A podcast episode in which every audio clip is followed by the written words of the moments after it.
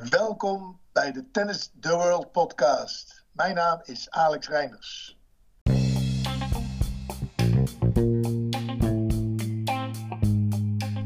Welkom bij de Tennis The World podcast. Als jij een fanatieke tennisser bent en graag beter wil worden, dan is dit de podcast voor jou. Samen met inspirerende gasten gaan we mooie gesprekken hebben, inspirerende verhalen horen en informatie geven, waardoor jij meer progressie kan boeken. Welkom bij een nieuwe aflevering van de Tennis the World podcast. En in deze vierde aflevering ga ik in gesprek met Alex Reinders. Alex, welkom bij de Tennis the World podcast. Dankjewel. Leuk. Ben benieuwd. Ja, goed dat je hier bent. Ehm, elke, eh, elke gast krijgt de eerste vraag van ons. En de eerste vraag is: waar zou jij nou echt beter in willen worden? Oef. Nou, dat zijn, eigenlijk een hele hoop, dat zijn eigenlijk een hele hoop dingen. Maar ik denk dat het leven het leukste is als je je hele leven elke dag probeert overal beter in te worden. En ik denk, of, en we hebben het nu natuurlijk vooral over tennis. En ik denk dat het leuke is van tennis, dat, dat en ik noem het altijd charme, maar ook de frustratie van tennis, is dat je daar, ook al bij de nummer 1 van de wereld, je kunt altijd beter worden. Dus uh, waar zou ik beter in worden, willen worden? Ja, ik denk in alles wat je doet. Hè? Of, uh, dat kan met tennis te maken hebben, maar kan ook buiten tennis uh, leren.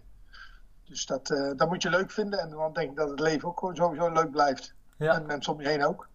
Oké, okay, dus jij, uh, ik hoorde hier uh, niet een, een specifiek antwoord in van hier wil ik beter in worden, maar wel dat jij uh, heel erg zit op dat je ergens beter in wil worden in ieder geval. Of daarmee bezig bent om jezelf te verbeteren.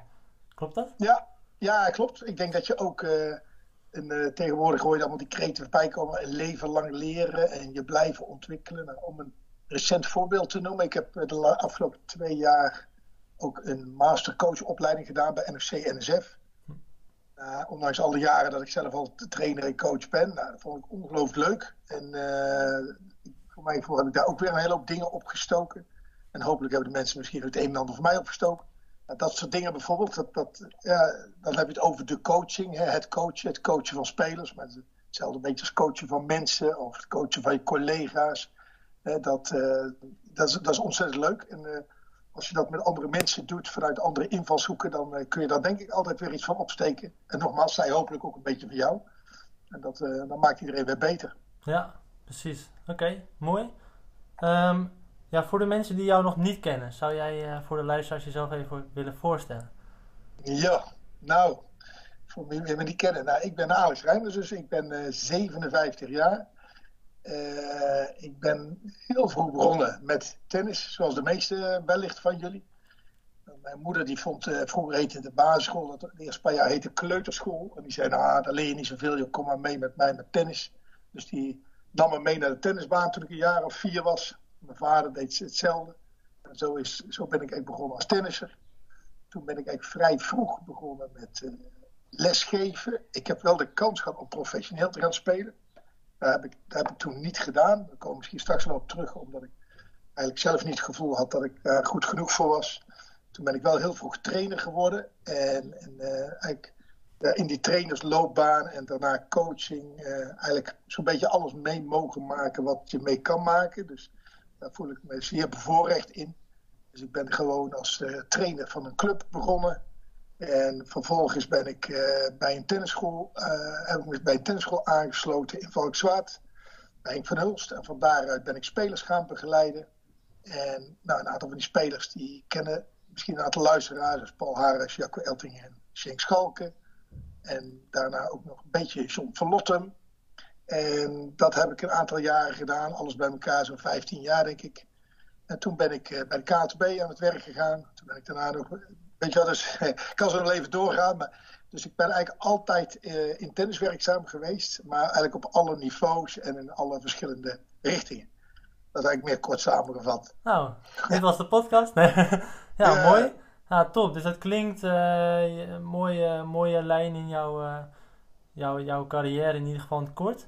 Uh, ja, inderdaad, wat je zegt, daar wil ik graag op doorgaan. Je hebt het gevoel dat je een kans, zeg je nu, had gehad om prof te zijn, maar op dat moment had je het gevoel dat je dat niet kon redden. Hoe, uh, hoe zit dat? Nou, je, je, moet je voorstellen, dus ik praat nu uh, alweer over eind jaren 70.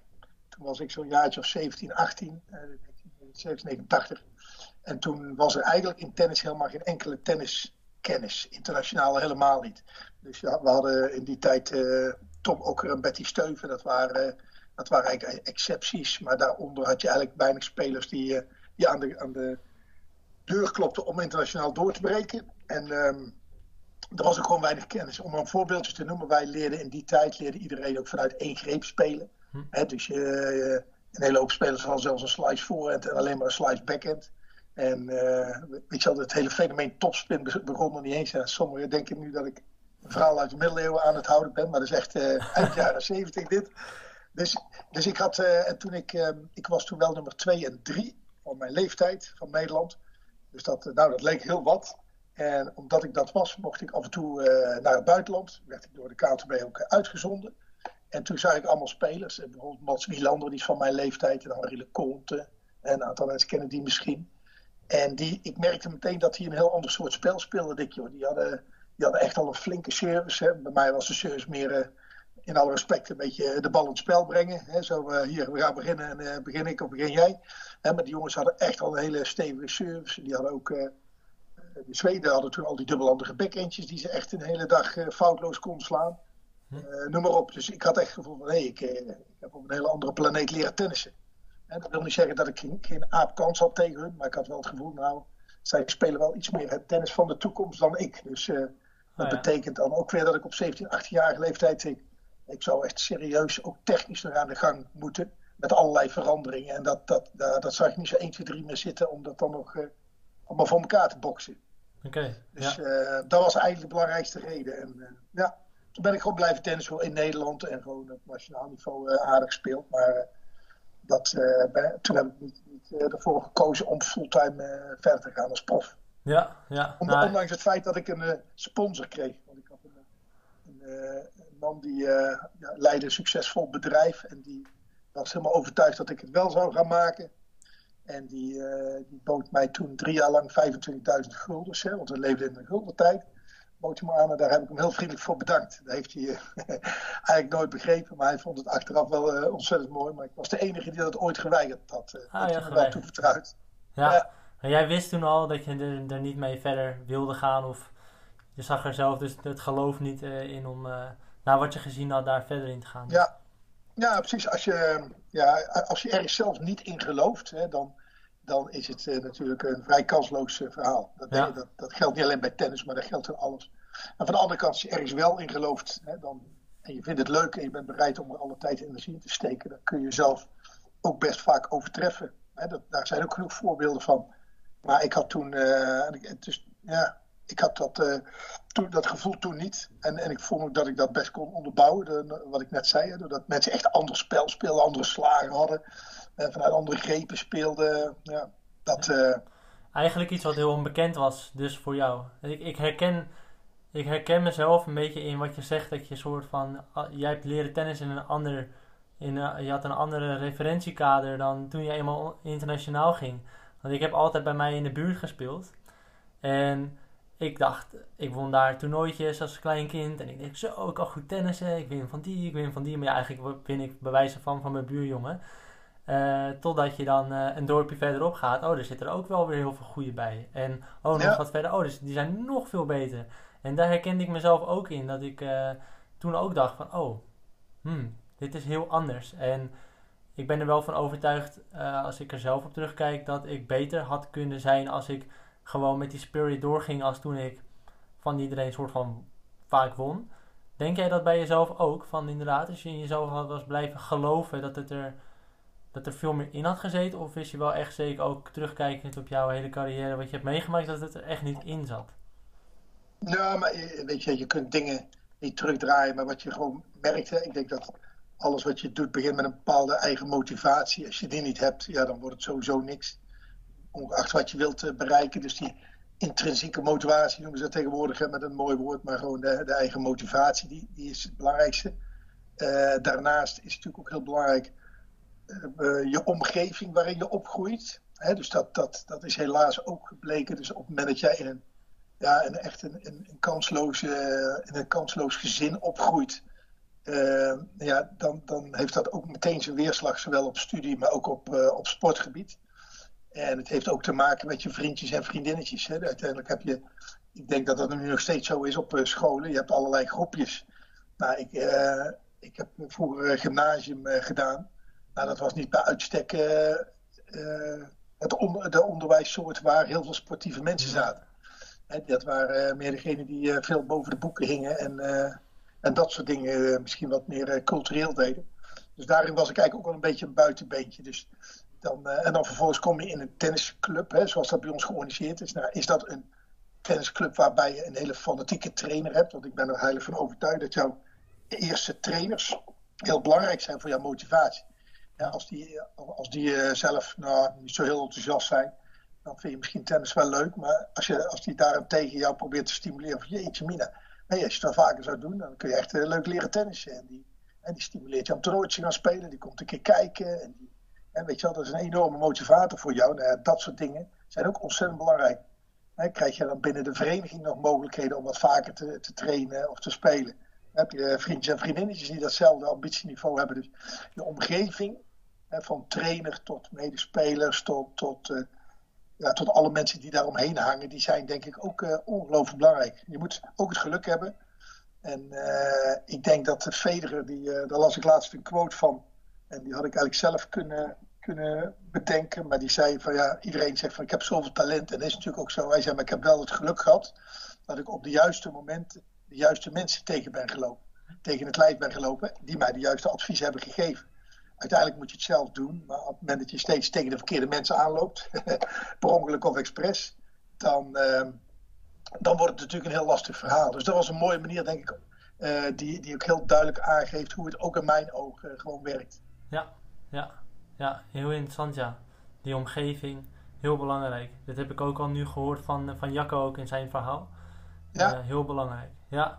En toen ben je dus een trainer gaan worden, coach ja. Ehm, je bent ik, ik ben, ik ben uh, begonnen bij een club, vertel je? Ik, ja, ik ben uh, vlak voor het uh, eindexamen ben ik ziek geworden. Ik kreeg ziekte van Pfeiffer. Toen kon ik een eindexamen doen. Toen heb ik alleen maar herexamen kunnen doen. En toen zakte ik op 1 tiende punt. Toen ben ik naar de avondschool gegaan. En toen ben ik overdag de cursus gaan geven. Ik denk, nou weet je wel, dan doe ik dan een paar avonden kon, kon je dat doen. En toen ben ik overdag training gegeven. En uh, eigenlijk met de bedoeling van, nou weet je wel, dan doe ik dat uh, voor het komend jaar. Dan heb ik wat meer tijd. En dan uh, ga ik daarna gewoon een studie beginnen. Zoals de meeste 17, 18, 19-jarigen. Die denken, nou wat ga je dan doen? In die tijd was het was economie en, en rechten was heel populair. Nou, ja, ik denk, misschien dat ga ik het ook wel doen, maar niet omdat ik het zo leuk vond. Of helemaal niet. Maar ik denk, nee, iedereen doet het dus. Ja. er zal wel iets in zitten. Dus, maar het liep toen heel anders. Want ik had eigenlijk vanaf het moment één kwam ik uh, bij een ontzettend leuke club. Uh, het toeval wil dat mijn eerste leerling de huidige voorzitter van de KNTB is.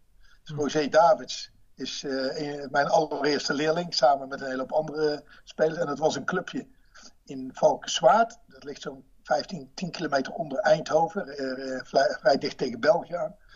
En ehm, daar zaten een aantal leuke jeugdspelers. En dat was een enthousiast bestuur, daar heb je het weer, een enthousiast bestuur. En er zaten ook wel een paar mensen die daar een paar centjes in wilden stoppen. Om daar eh, met wat jeugd wat fanatieker aan de gang te gaan. En toen hebben ze mij daarvoor gevraagd. Want om even het beeld uit die tijd te schetsen, is dat uh, op, dat, op die momenten, op dat moment was bij die vereniging, waren vaak oud-voetballers, waren tennistrainers. Hmm. Dus die zeiden dus ja, een bal is een bal, weet je wel. En of je nou tegenaan schopt of je schiet er tegenaan dat verschil eh, is ook niet zo groot, weet je wel. Dus er waren echt daadwerkelijk veel voetballers die gewoon tennisles gaven. En dat was daar ook zo. Dus ja, op het moment dat ik daar eens... Ik, ik, ik kon toen zelf natuurlijk ook een beetje tennissen en uh, ik had de opleiding ook gedaan. Dus nou ja, dan, dan maak je al, kon je al gauw het uh, verschil maken. En als je daar dan nog wat eigen enthousiasme in steekt en je hebt er wat leuke jeugdspelers en, en, een aantal mensen die jou ondersteunen, ja, dan kan het heel snel gaan. Dus toen ben ik bij die vereniging, dat, heette, dat was de vereniging voor Konings, ben ik begonnen. En toen zijn de eerste zes jaar dat ik daar uh, werkzaam was, zijn de eerste vijf teams uh, ieder jaar gepromoveerd. Dus die, die, ze speelden ergens in de onderste regionen. En uiteindelijk speelden ze ja, gewoon landelijk uh, serieus mee. Dus dat was, en dat was alleen maar eigen jeugd. Oké. Dus dat was, dat was hartstikke leuk. En intussen, wat ik al zei, zes jaar, ik, was ik al van het een in het andere gerold. En ik had de B-cursus al gedaan. En dus ja, toen kwam er wel zo'n punt van, hé, hey, blijf ik dit doen? Of ga ik me alsnog op een studie richten? Want ik had toen wel eens na, na wat, na wat moeite heb ik toch mijn eindexamen nog gehaald. Dus, maar daar heb ik uiteindelijk niet, niks meer mee gedaan. Oké, ja. Ja, en heb je dan, want dat is inderdaad de, de, de, veilige weg misschien, of de normale weg om een studie te gaan doen. Um, heb je op dat moment toen gedacht van, hey, is dit nou wel verstandig? Of was het heel snel doordat er inderdaad successen kwamen ook op het gebied van tennis, dat je daar geen spijt van had? Dat is een goede vraag. Mijn, uh, ik zelf heb daar nooit spijt van gehad, maar ik werd daar wel continu mee geconfronteerd, omdat in mijn omgeving en zelfs op de club was het er een beetje, werd een beetje minder waardig op, uh, op, uh, op, gekeken. Op tennisles, ja, tennistrainer, tennisleraar, weet je wel. Ja, leuk om een beetje erbij te doen. Maar dat werd niet echt als een serieus volwaardig beroep gezien. Hoewel je natuurlijk wel de hele dag kon doen. Maar dat, uh, zo werd er niet tegen aangekeken. Dus dat was wel echt iets voor mensen met een lagere opleiding. En zeker niet als jij VWO had.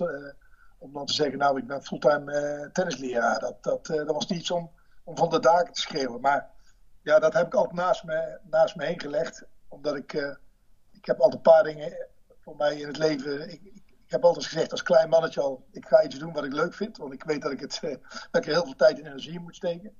Dus uh, zolang ik ergens lol in heb en ik, ja, en ik, en ik, ik vind dat ik daar tot mijn recht kom.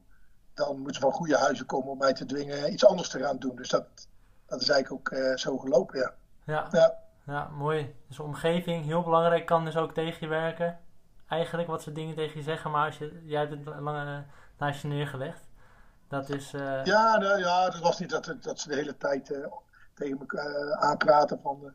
weet je, dan zou je niet eens iets anders doen. Want ik kreeg juist ook ongelooflijk veel enthousiasme. Ik dacht, goh, weet je, de, de, de, ik, kwam, ik kwam nieuw bij zo'n tennisclub en ja, het ging goed. De jeugd ontwikkelde zich goed. Ik zei al, we hadden echt, de, alle teams bestonden alleen maar uit eigen jeugdleden. Speelden begin promotie in de hoofdklasse. Terwijl ze uit de allerlaagste klasse kwamen. Tweede team erachteraan. Veel aantrekkingskracht van allerlei spelers. Nou, dus je, als trainer kon je niet stuk. Ik denk, nou, dat is wel, dat is wel heel leuk wat ik nu aan het doen ben. Ik, uh, ik krijg er nog voor betaald ook. Ik weet dat de penningmeester, die stuurde mij ook af en toe. dat is ook wel een verhaal. Die belde mij wel eens. En dan zei hij van, Alex, ik moet je even spreken. Want moest ik nog met uren bonnetjes met uren invullen. En uh, dat vergat ik wel eens. En ik was er helemaal niet zo mee bezig. Dus toen zei, toen zei Alex, moet je even spreken over die urenbonus. Ik zei, oh sorry, sorry, je hebt verkeerd ingevuld. Dus ja, je hebt inderdaad verkeerd ingevuld. Nou, dat heb ik zonder, uh, zonder opzet gedaan. ja, dat weet ik, want je hebt ongeveer een derde gedeclareerd van wat je had ja. moeten declareren. Ja, ja, dus ik declareerde al te weinig. Dus, maar dat, dat, geeft gewoon aan dat je daar gewoon je doet, het wat je, je doet wat je leuk vindt en uh, dan zit je niet je uurtjes te tellen en, en, en factuurtjes schrijven. Zo. Dus, uh, hey, dat, is, dat is prachtig, denk ik. Ja. Dat, uh, beter dan dat je je economie bewijs van wel had gestudeerd, maar dan heel veel meer misschien in die tijd, weet ik niet, had verdiend. Maar eigenlijk een beetje dacht, nou ja, dit vind ik, dit vind ik niet helemaal leuk. Of, dus ja, dat klinkt, ja, dat klinkt heel erg leuk. We zullen het nooit weten. We nee. de klok niet terugdraaien, maar ik heb nog steeds uh, erg veel plezier in wat ik doe. En, uh, ja. en ook keuzes die ik gemaakt heb, heb ik geen spijt van. Ja, op moment, kijk, dus of, we zeggen bij de jeugd ook wel eens, hè, of je, want zeker bij jonge kinderen, die hebben ontzettend veel, iedereen, of tenminste niet alleen jonge kinderen, maar vaak jonge kinderen ook die extra veel moeite hebben met verliezen. Dan zeggen we wel eens, of je wint, of je leert. Hè? In plaats van verliezen zeggen we dan, je leert. Nou ja, en uh, je moet natuurlijk niet te veel uh, domme, domme beslissingen maken in je leven. Tenminste, dat kan ook uh, verkeerd uitpakken als je er af en toe eentje maakt en je denkt, oei, dat is toch niet zo handig. Nou, dan is dat weer een leermoment geweest. En dan probeer je dat netjes af te ronden, denk ik. En dan ga je weer op zoek naar het volgende. Of, ja. dat, tenminste, dat is de manier waarop ik er altijd in sta. Dus het, is, het, het, gaat nooit altijd in de stijgende lijn omhoog.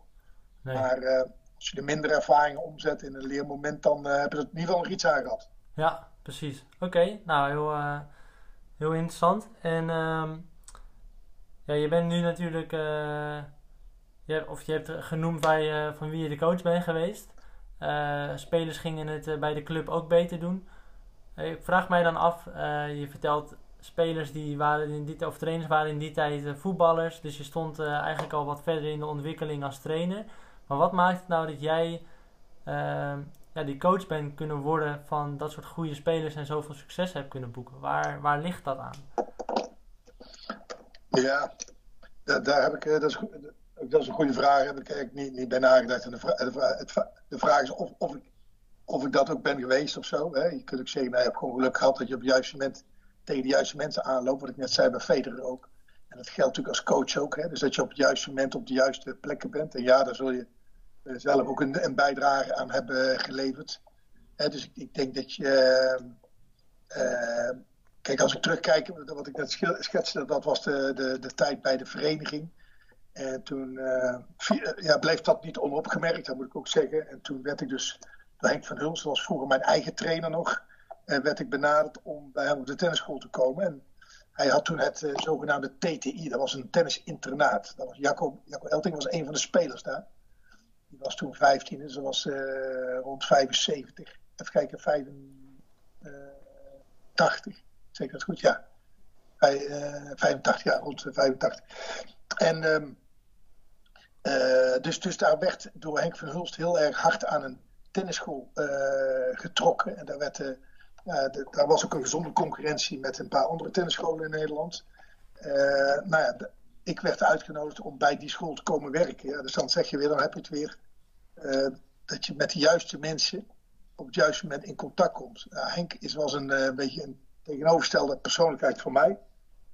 Dat was een echte bullenpak. Uh, zo stond hij ook bekend en zo omschrijft hij zichzelf ook altijd. Ja. Dus die was heel duidelijk op zoek naar een, naar een tegenpool. Omdat hij zei van, nou, van tegenpolen kun je leren. Dan, jij leert wat van mij en ik leer wat van jou. En, uh, en ook qua, qua, tennis. Ik was dan degene die op dat moment natuurlijk best aardig kon tennissen. Dus dan, dan praat je over de, wat zijn er de beste 20, 25 tennissers van Nederland, zal ik toen misschien. En nou, dat had hij allemaal niet, die ervaring.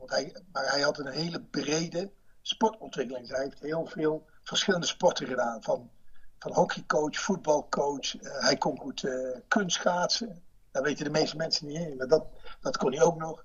Hij was fysiek en atletisch heel erg goed onderlegd.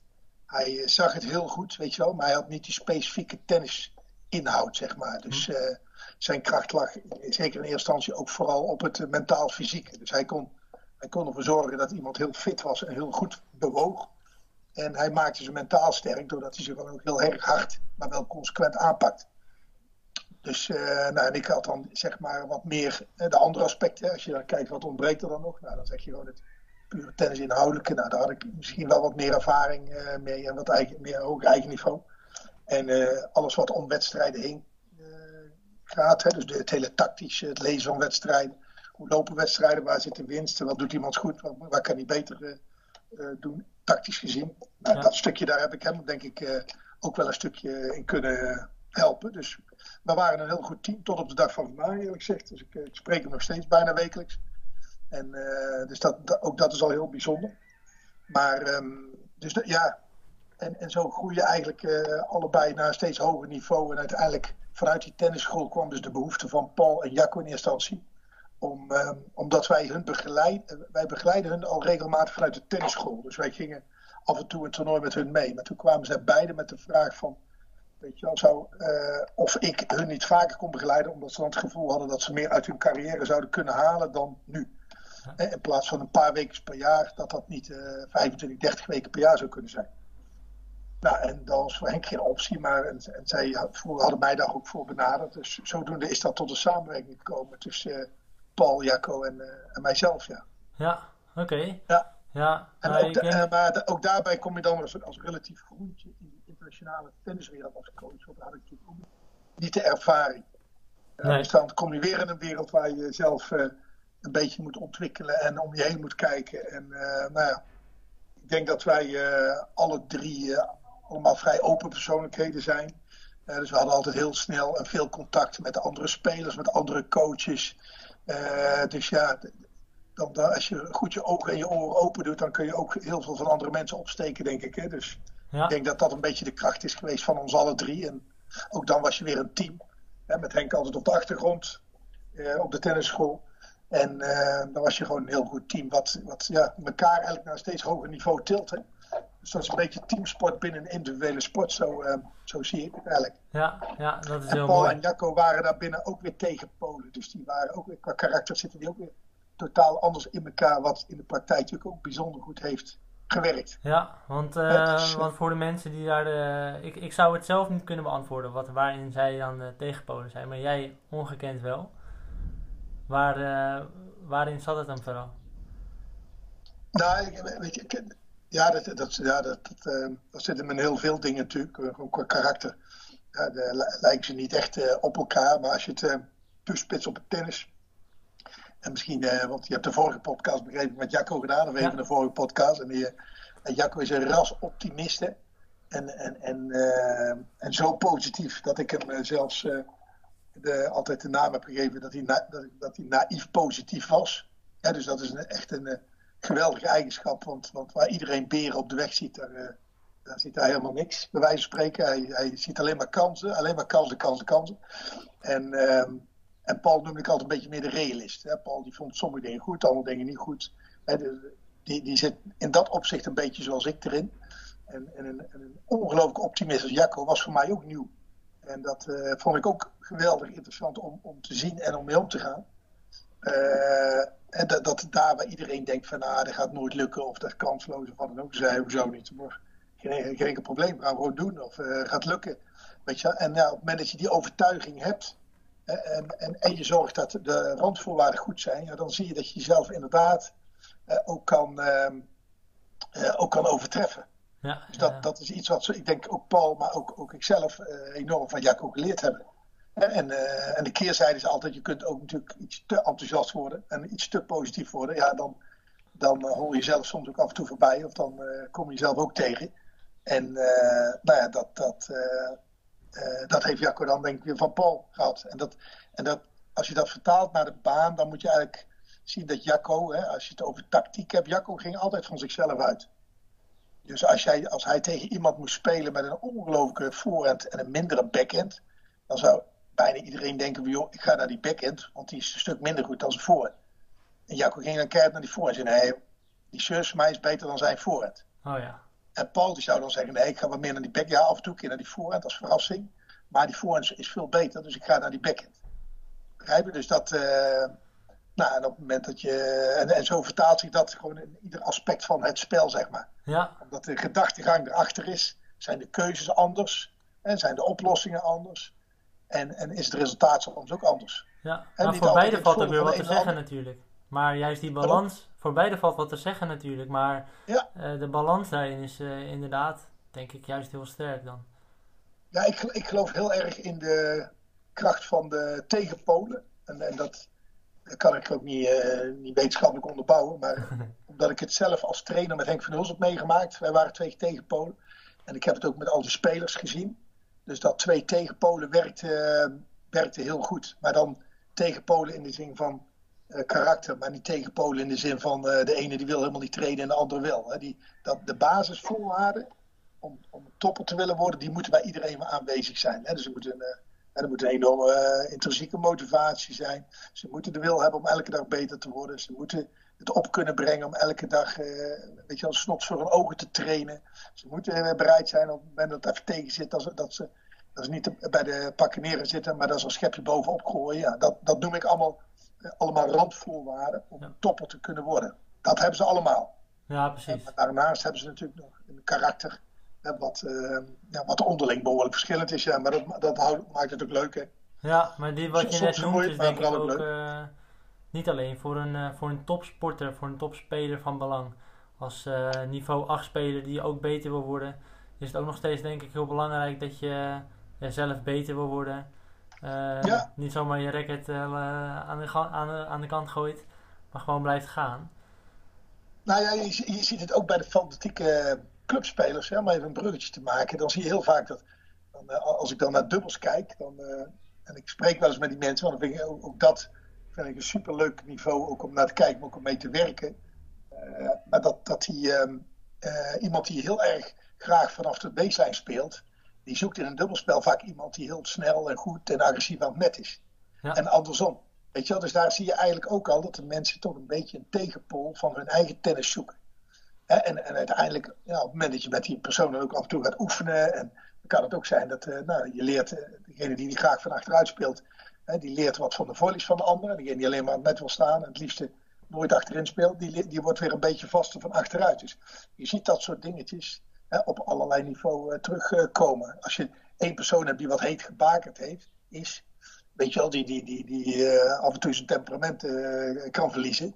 Nou, is het prettig als je daar een wat rustiger type tegenover hebt staan. Ja. Hè, maar twee, twee rustige types, dan gebeurt er vaak te weinig. En twee van die heet gebakerde types, dan gebeurt er weer te veel. En dan, dan gaat het vaak ook weer fout te begrijpen. Dus dat zijn een beetje huistuin- en keukenvoorbeelden. Maar als, ik denk dat de meeste mensen die zelf spelen en dubbelen, en vooral ook dubbelen, die zullen dit wel voor een deel herkennen. Ja, nou, ik herken het zelf ook. Ja. Ja. ja. Nee, het is nooit helemaal zwart-wit, hè. Nu schitsen het een beetje zwart-wit, maar ik denk dat het, en, en ook los van het feit dat het goed is, denk ik ook dat het weer leuk is, omdat je ja, op die moment op de, uh, ja, gewoon weer leert van de ander. En de ander van jou hopelijk. Hè? Dus Ja. dat, uh, En, en, in, en in singles bijvoorbeeld, ik zit nu even na te denken voor mezelf. eh, ik train bijvoorbeeld best wel lekker als ik met iemand train die ook vanaf de baseline, vooral als ik train, maar lekker vanaf de baseline veel ballen kan slaan. Maar om nou, Nou. eh, te zeggen van wordt echt beter, zou je daar, daar ook tegen Polen eh, stimuleren? Van iemand die juist heel harde service en volley speelt bijvoorbeeld. Of, nou ja, je, weet je, je, je zult je daartegen moeten wapenen, omdat je al dat soort spelers ook in de wedstrijd tegenkrijgt. En, en een aardige anekdote daarover is eh, dat ik me nog kan herinneren. Dan maakte Breutje naar Schenk Schalke. Die stond op een gegeven moment eh, nummer 30 van de wereld. En de, de rankings, de nieuwe rankings, die komen elke keer op maandagmorgen uit. En die kwam toen eh, maandagmorgen naar me toe en zei: Alex, gefeliciteerd. Ik zei: Gefeliciteerd. Ik ben een jarig, jongen. Toen zei hij wel, maar ik heb mijn hoogste ranking gehaald, zei hij. En die gaat ook niet meer hoger worden dan dit. Dus gefeliciteerd, want we hebben er het maximaal haalbare uitgehaald. Ik zei, nou, ik zei, hoe hoog sta je dan, joh? Nummer 1. Zei hij, nee, 30. Ik zei, 30? Ik zei, er staan er nog 29 boven jou volgens mij, jongen. En toen zei hij, ja, dat klopt, maar ik heb al gekeken en daar ga ik niet van winnen. Ik zei, nou, dan weet ik het goed gemaakt. Geef mij die lijst ook maar even. En dan gaan wij ze één voor één afstrepen. En we gaan net zo lang naar die wedstrijden kijken totdat jij, niet ik, hè, maar totdat jij ziet van, hé, als ik, nou, die speler die is toch wel, eh, die is toch ook wel te verslaan als je zo en zo en zo speelt. En die speler die kan ik eh, misschien als ik een paar dingen anders doe eh, ook wel verslaan. En die, oh, ik, weet, ik heb nooit geweten dat hij ook af en toe zijn temperament kan verliezen. Weet je wel? En zo zijn we voor spelen, voor spelen waar hij op dat moment nog geen vertrouwen in had. Zijn we net zo lang gaan kijken totdat hij aangaat, oké, oké. Wauw. ik zie nou wel toch wel wat kansjes om, als ik er tegen moet, dan weet ik wel hoe ik hem aan ga pakken. Ik zei, nou mooi, dan gaan we naar de voorde. Dus zo zijn we het lijstje, lijstje afgegaan. Dus dat zou Oh. voor jou ook wat gelden. Dus je moet, Ja, je moet ze juist op gaan zoeken. Hè? En, en vaak probeer je mensen die jou minder liggen, eh, dat, dat geldt niet alleen met tennis, maar die probeer je natuurlijk toch vaak te ontwijken.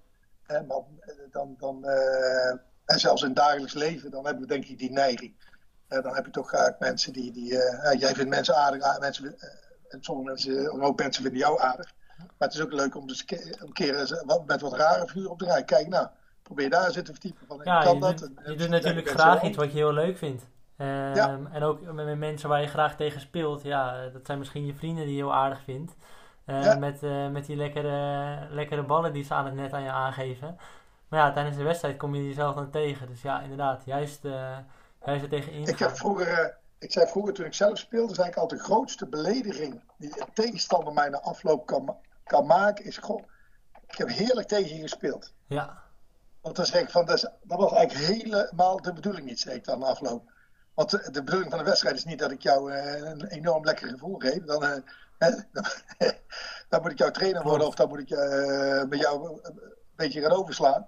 Maar als ik een wedstrijd speel, dan wil ik gewoon die wedstrijd voor jou winnen. Ja. En het liefste, heb ik het liefste doe, ik, doe ik dan datgene waar jij een ontzettende hekel aan hebt. Of waar je minder goed in bent. Of waar je minder comfortabel in voelt. ja. Weet je wel? Dus dat, ja dus dat vond ik zelf altijd een belediging als ze dat zeiden. Nou zeiden ze dat gelukkig niet zo vaak. Dus, eh, maar, eh, dus, je dus mijn tip zou zijn, jij zijn, heb je moeite tegen iemand die heel hard serveert. Of heb je moeite tegen iemand die op elke bal naar voren rent. Weet je wel? Zoek ze vaak op. Zoek Precies. ze op. Ga juist En met ze dan- vrij spelen of eh probeer... Ja, ja, ja, ja. En dan, dan, dan ga je eraan wennen. En dan leer je er ook mee om te gaan. En je leert oplossingen te bedenken. Weet je wel? Dus dat... Ja. Eh, Ook als dat misschien in het begin niet leuk is. Ik, ik heb Nee. veel eh, mensen ook die ik hoor, ja, de service. Ik vind hem niet leuk, ik wil hem ook niet trainen. Maar ja, zo blijft hij ook niet leuk natuurlijk. Dus daarin inderdaad juist wel gaan trainen, totdat het in ieder geval wel wat leuker is. Totdat je natuurlijk, tenzij je er echt helemaal ongelukkig van wordt, denk ik. Moet natuurlijk ook weer niet. Nou, maar het is ook wel grappig dat je dat nu noemt. Want het schiet me nou, als jij dat zegt, dan schiet er mij meteen wel een paar dingen door het hoofd toe. Maar dat je, kijk, uh, vaak zie je met serveren, dat hangt een beetje aan het einde van de training. Als mensen al training hebben, dan. Uh, ik begin vaak met een service. Omdat het een wat passiever deel is. als, ik een, als, als ik met mensen ga trainen, is heel vaak dat ik aan het begin van de training begin, met de service begin.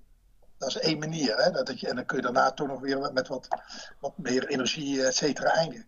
Een ander, een ander iets is, en als je aan mensen vraagt, dan weten ze eigenlijk ook nooit het antwoord erop. Maar als, wij, als, jij, als jij met je maatjes gaat spelen, dan, uh, dan, dan breng je een bal in het spel door een voorhand hè, al dan niet te laten stuiten. En dan sla je naar de overkant. Ja. Waarom doe je dat met een voorhand?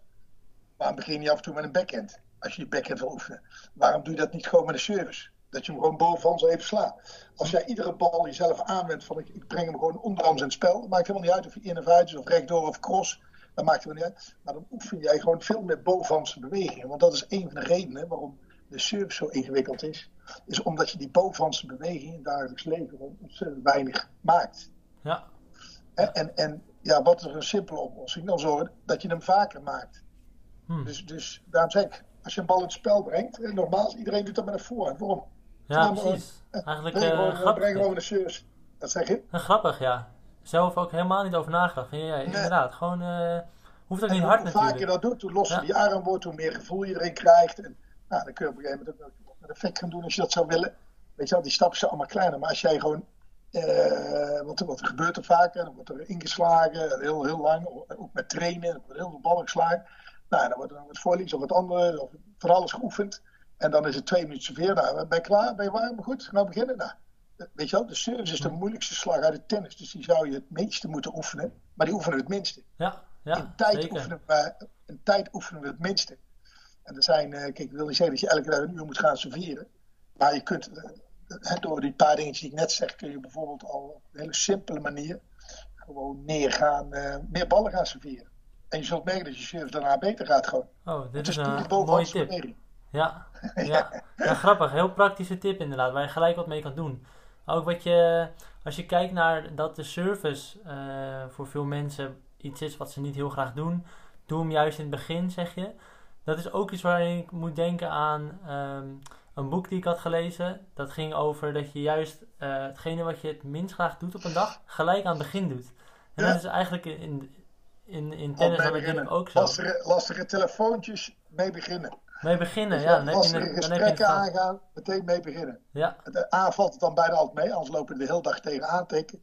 En uh, nou, als je het eenmaal gehad hebt, dan, uh, dan valt alles wat erna komt altijd mee. Ja, maar vooral dus inderdaad, uh, als je het gewoon door het inspelen al rustig gewoon gaat serveren, ja, dan heb je niet eens door dat je, dan wordt het ook makkelijker. Dus die vind ik echt, ja. echt heel erg leuk. Ja, oké, okay, cool. Um, maar uh, ja, je hebt natuurlijk uh, als coach dus een hoop meegemaakt met de spelers, hebben successen behaald. Uh, maar zoals ehm, jouw spelers waarschijnlijk ook, eh, maar jij ook als coach, vraag me heel erg af, wat voor dingen heb je meegemaakt met spelers waarvan je juist dacht, oei, dit, dit had ik misschien anders moeten aanpakken. Een moment waar jij, waarbij je juist merkte dat, dit, dat het iets niet werkte of wat je geleerd hebt in je carrière. Daar ben ik benieuwd naar. Ehm, wat niet werkte? Nou, wat niet werkt. Je bent eigenlijk continu op zoek naar uh, verbeteringen. Dus dat is, dat is uh, eigenlijk, en dat is verbetering natuurlijk bij je spelers, maar dat is ook verbetering bij jezelf. Want uiteindelijk, uh, je moet zelf met die speler ook mee ontwikkelen. En in dat hele proces, ja, dan maak je denk ik continu, zul je dingen doen die goed gaan, maar ook dingen die, die minder goed gaan. Hè? Dus soms, ja, concreet naar jou toe, is dat je kijk, iedereen kan zich voorstellen als jij een wedstrijd moet spelen, maakt niet uit wanneer, maar stel even dat je een toernooi speelt en je moet op donderdagavond spelen. Uh, je hebt een hele zware dag gehad en je bent kei kapot en je komt op zo'n park aan chase, midden moet gaan spelen. Nou, A, heb je al niet gek veel zin, B, ben je moe, C, misschien een beetje geïrriteerd, want je wedstrijd loopt uit en het regent dan nog eens een keer. Nou, noem al die ellende bij elkaar op. En dat gebeurt natuurlijk bij een proftennisser ook je moet je voorstellen dat je dan uh, gewoon van uh, bijna iedere week of sowieso iedere week een, een, aantal uren moet vliegen. En vaak nog van het ene en het andere continent. Nou, je hebt dan over het algemeen een jetlag van hier tot Ginter. Daar heeft de ene meer last van dan de ander. Maar je, bent, je moet je bed uit. Nou, je denkt, oh man, je, je voelt je zo gammel als wat. Nou ja, dan zit je aan ontbijt met z'n allen. Dan, dan, uh, dan, ga je daarna wat trainen. Dan ben je in het begin ook niet eens vooruit te branden. Nou, dus als coach maak je dan, moet je dan continu de afweging maken. Ja, weet je wel, kom op jongens, uh, weet je wel, gooi ik er een tandje bij? Of moet ik juist even hun de tijd geven om te acclimatiseren? Nou heb ik het geluk gehad dat dat, dat bij mij niet zoveel speelde. Omdat Paul Jacco en Schenk, die, die, die trainde altijd met ongelooflijk veel plezier. Dus die moest een keer afremmen. Ja. Ja, want als wij in Amerika kwamen en we dan, uh, door dat tijdverschil is het zes uur uh, vroeger, over het algemeen afhankelijk waar je naartoe vliegt. Dus dan kwamen we vaak pas, uh, ja, voordat je het hotel, er was na middernacht, dan hebben we nog regelmatig een bar geboekt. Oh, Weet je wel, dan gingen we nog tennis, want we waren hartstikke fit, we waren uitslapen, noem maar op. Nou ja, is dat verstandig? Nee, eigenlijk niet. Maar ja, wij vonden het allemaal wel lekker. Lekker een beetje zweten, lekker moe worden, en dan sliep je, dan viel je lekker in slaap. Maar ja, was, normaal is dat verstandig geweest Weet ik niet. het, is, het is gelukkig goed gegaan. Is de kans op blessures dan groter? Ja, die is groter. Is dat gebeurd? Nee, is niet gebeurd. Dus, nou ja, ja weet je wel. En, ehm, en dat heb je, dus dat soort dingen. En dan rondom wedstrijden heb je natuurlijk ook heel erg van. Uh, kijk, een speler moet gewoon happy zijn. Die moet er zin in hebben van oh, vanavond de wedstrijd. Of vanmiddag een wedstrijd. Of vanmorgen uh, dadelijk een wedstrijd. Ja, en iedere speler gaat anders met die spanning om. Hè. De ene die wordt uh, een beetje teruggetrokken. De andere, die, daar merk je aan dat hij zenuwachtig is. De derde, die zit daar weer tussenin. Ja, dan is als coach moet je constant aftasten. Oké, is het goed? Of moet ik er even een gesprekje met hem aangaan?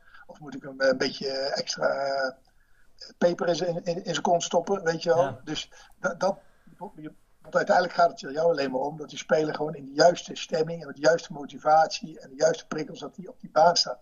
En dat is constant balanceren. En dan maak je natuurlijk best vaak, denk ik, fout in. Ja. Maar die spelers, die spelers zijn niet zo flauw, dus die, die, die zullen je daar niet zoveel op afrekenen. Soms zeggen ze wel, nou, eh, weet je wel, een beetje rustig aan. Of je had wel iets meer dit of iets minder dat mogen doen. Dus dat, nou, zo. Uh, uh, maar omdat ze weten dat ik, uh, ik doe het om, om het maximaal uit hun te halen, is dat zelden of nooit tot een conflict gekomen. Maar de, dat zijn gewoon keuzes die je steeds moet maken, iedere dag opnieuw weer. Ja, ja. Nou, dus hier kom je misschien ook weer een beetje terug op die basis dat je eerder noemde van uh, gemotiveerd zijn. Maar ook wat ik hierin hoor, denk ik, is een goede relatie hebben met de speler. Ja. Weten waar je naartoe wil met elkaar.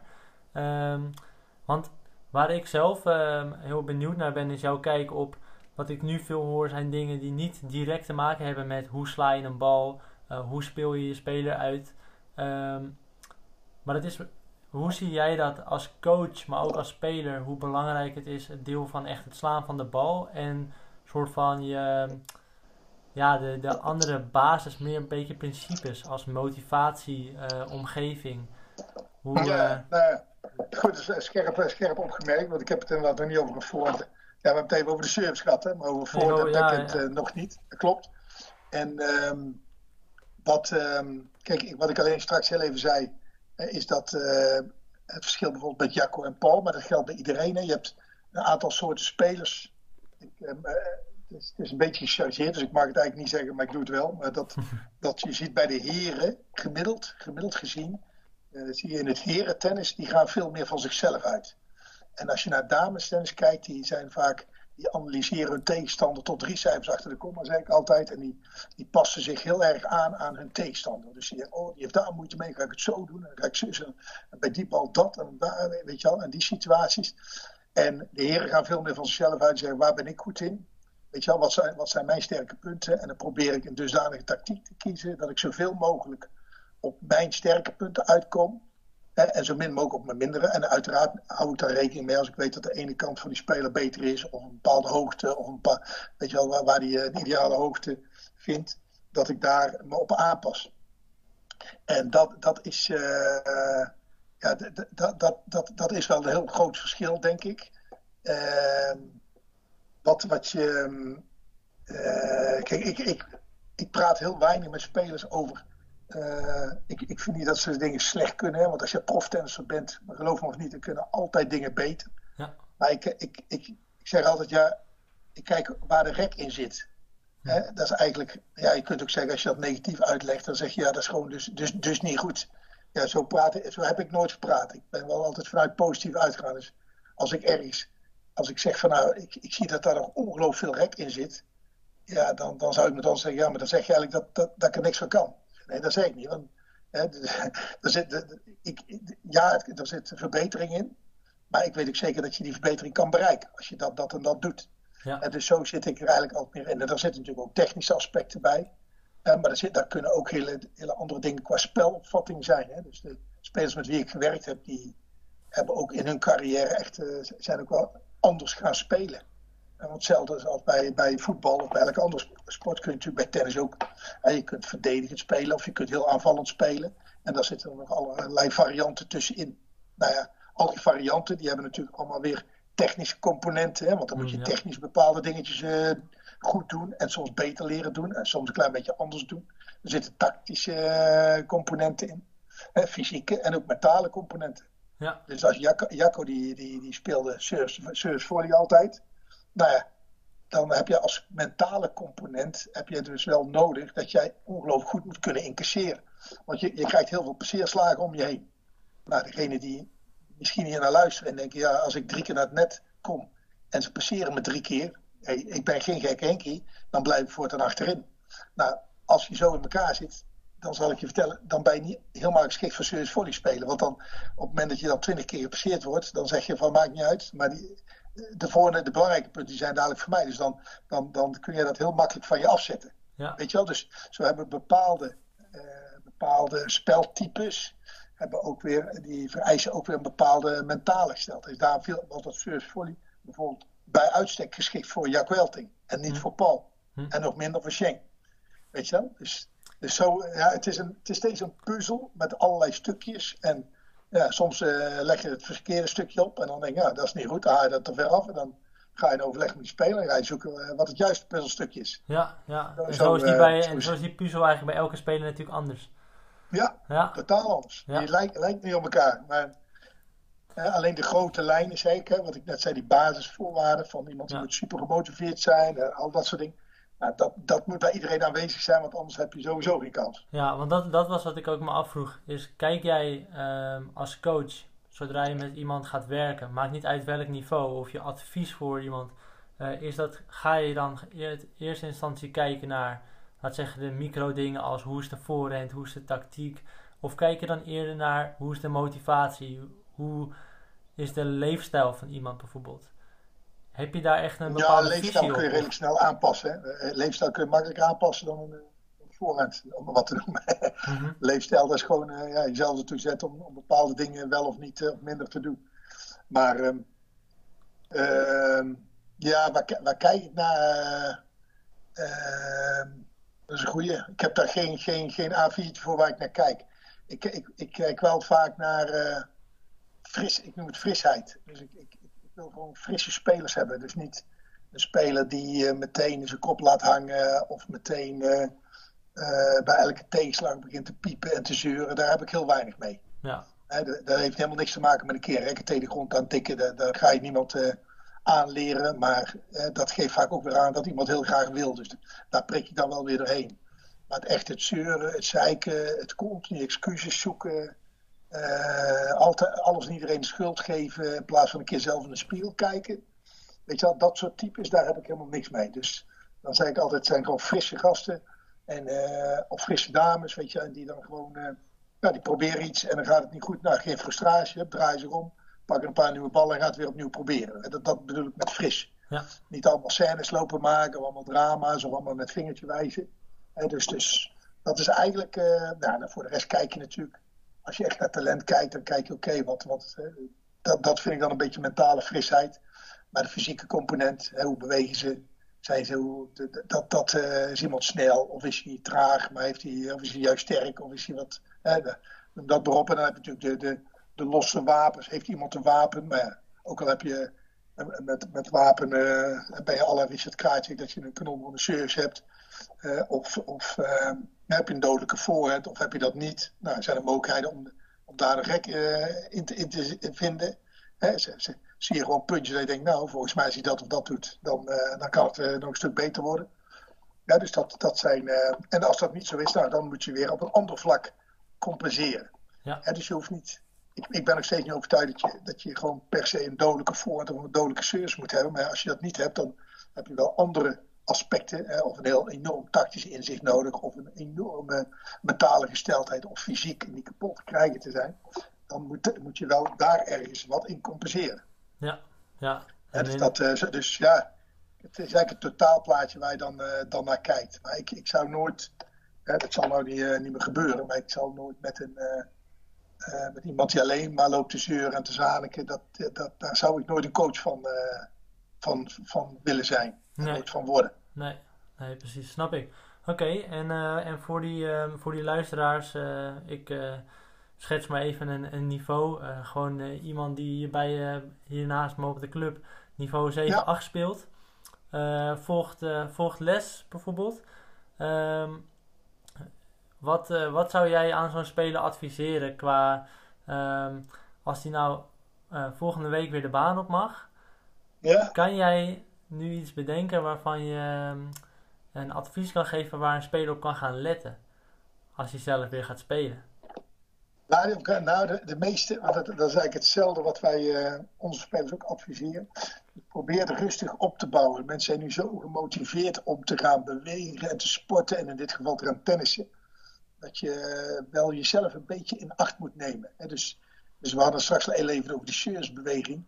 Ja, uh, blessure ontstaat heel snel en vaak ook door overbelasting. Dus, dus op het moment dat je voelt dat je ergens uh, pijn krijgt of, of, irritatie krijgt, zodat je niet denkt, oh, daar speel ik wel doorheen, want dan worden het vaak slepende blessures. Zeker als je het over gewrichten hebt, zoals je elleboog en je pols en je schouder en uh, dat soort dingen. dus dat wil niet zeggen dat je niet moe mag worden of dat je, dat je geen spierpijn mag hebben.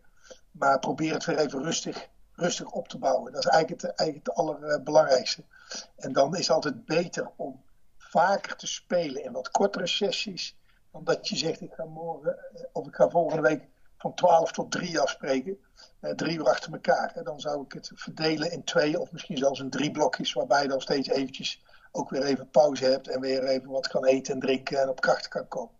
Dus dat, dat, dat is eigenlijk belangrijk. Het niet te lange periodes.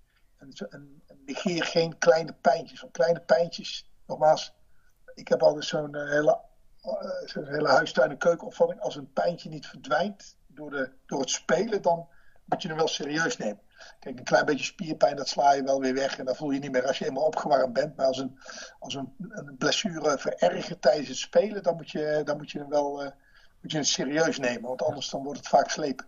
Ja, en dat is eigenlijk meer een waarschuwing, uh, ja. een tip en een waarschuwing, maar dat je ja, voor de rest lekker genieten.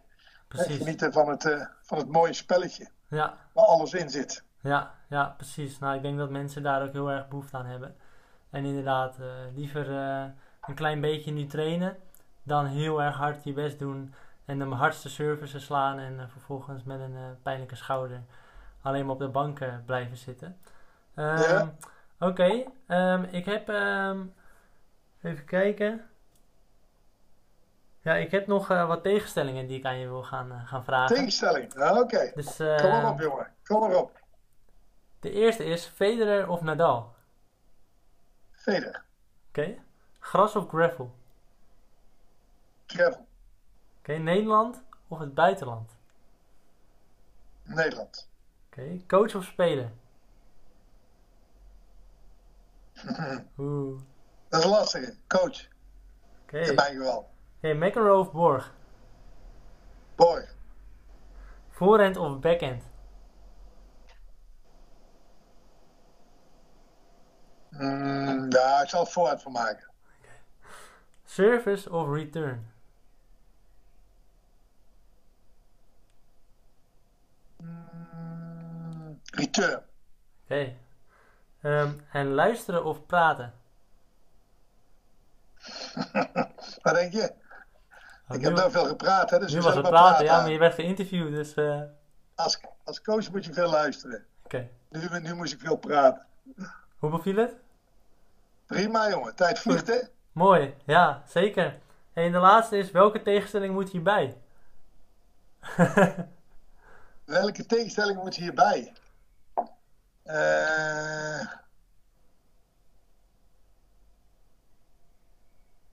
service volley of, of, uh, uh, of baseline rally. Oké, top. Ga ik aan de volgende gast stellen. hey, ik vond het super leuk. Um, ik denk dat wij, uh, we kunnen natuurlijk onwijs lang nog door blijven praten over, over onderwerpen. Um, en ik zou je ook zeker uh, vaker in de podcast willen hebben. En dat we, dat we nog over onderwerpen door kunnen gaan. Echt specifieker voor mensen op de baan. Over techniek, tactiek. Um, maar uh, daar zullen wij natuurlijk samen nog een keer over gaan hebben dan. Maar is er nog iets wat jij, wat jij ook kwijt wil aan de luisteraars? Nee, Nee, eigenlijk niet. Ik, uh, ik hoop dat alle luisteraars uh, met net zoveel plezier op de baan staan als ik nog steeds. En dat we allemaal heel blij zijn dat we tenminste maandag weer, weer mogen beginnen. En, ja, en ik wens iedereen heel veel plezier en een blessurevrije periode. Mooi. En hopelijk heel snel een coronavrije periode. Dat, dat wens ik iedereen toe. Ja, precies. Nou, vind ik heel mooi. deze podcast is op woensdag te beluisteren. Is die online? Dus er zitten mensen zijn, hebben, ja, hebben ze hopelijk al getennist. Uh, dus uh, ja, voor de mensen die hebben geluisterd, uh, veel succes. En Alex, bedankt dat je bij de podcast kon zijn. Graag gedaan, succes. Top.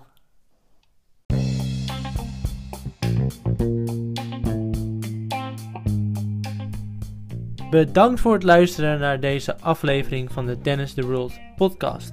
Heeft deze podcast jou geholpen? Dan hoop ik dat jij ons ook kan helpen naar meer luisteraars. Deel deze podcast in jouw Instagram. Wij gaan jou reposten. Wij gaan een connectie met jou leggen.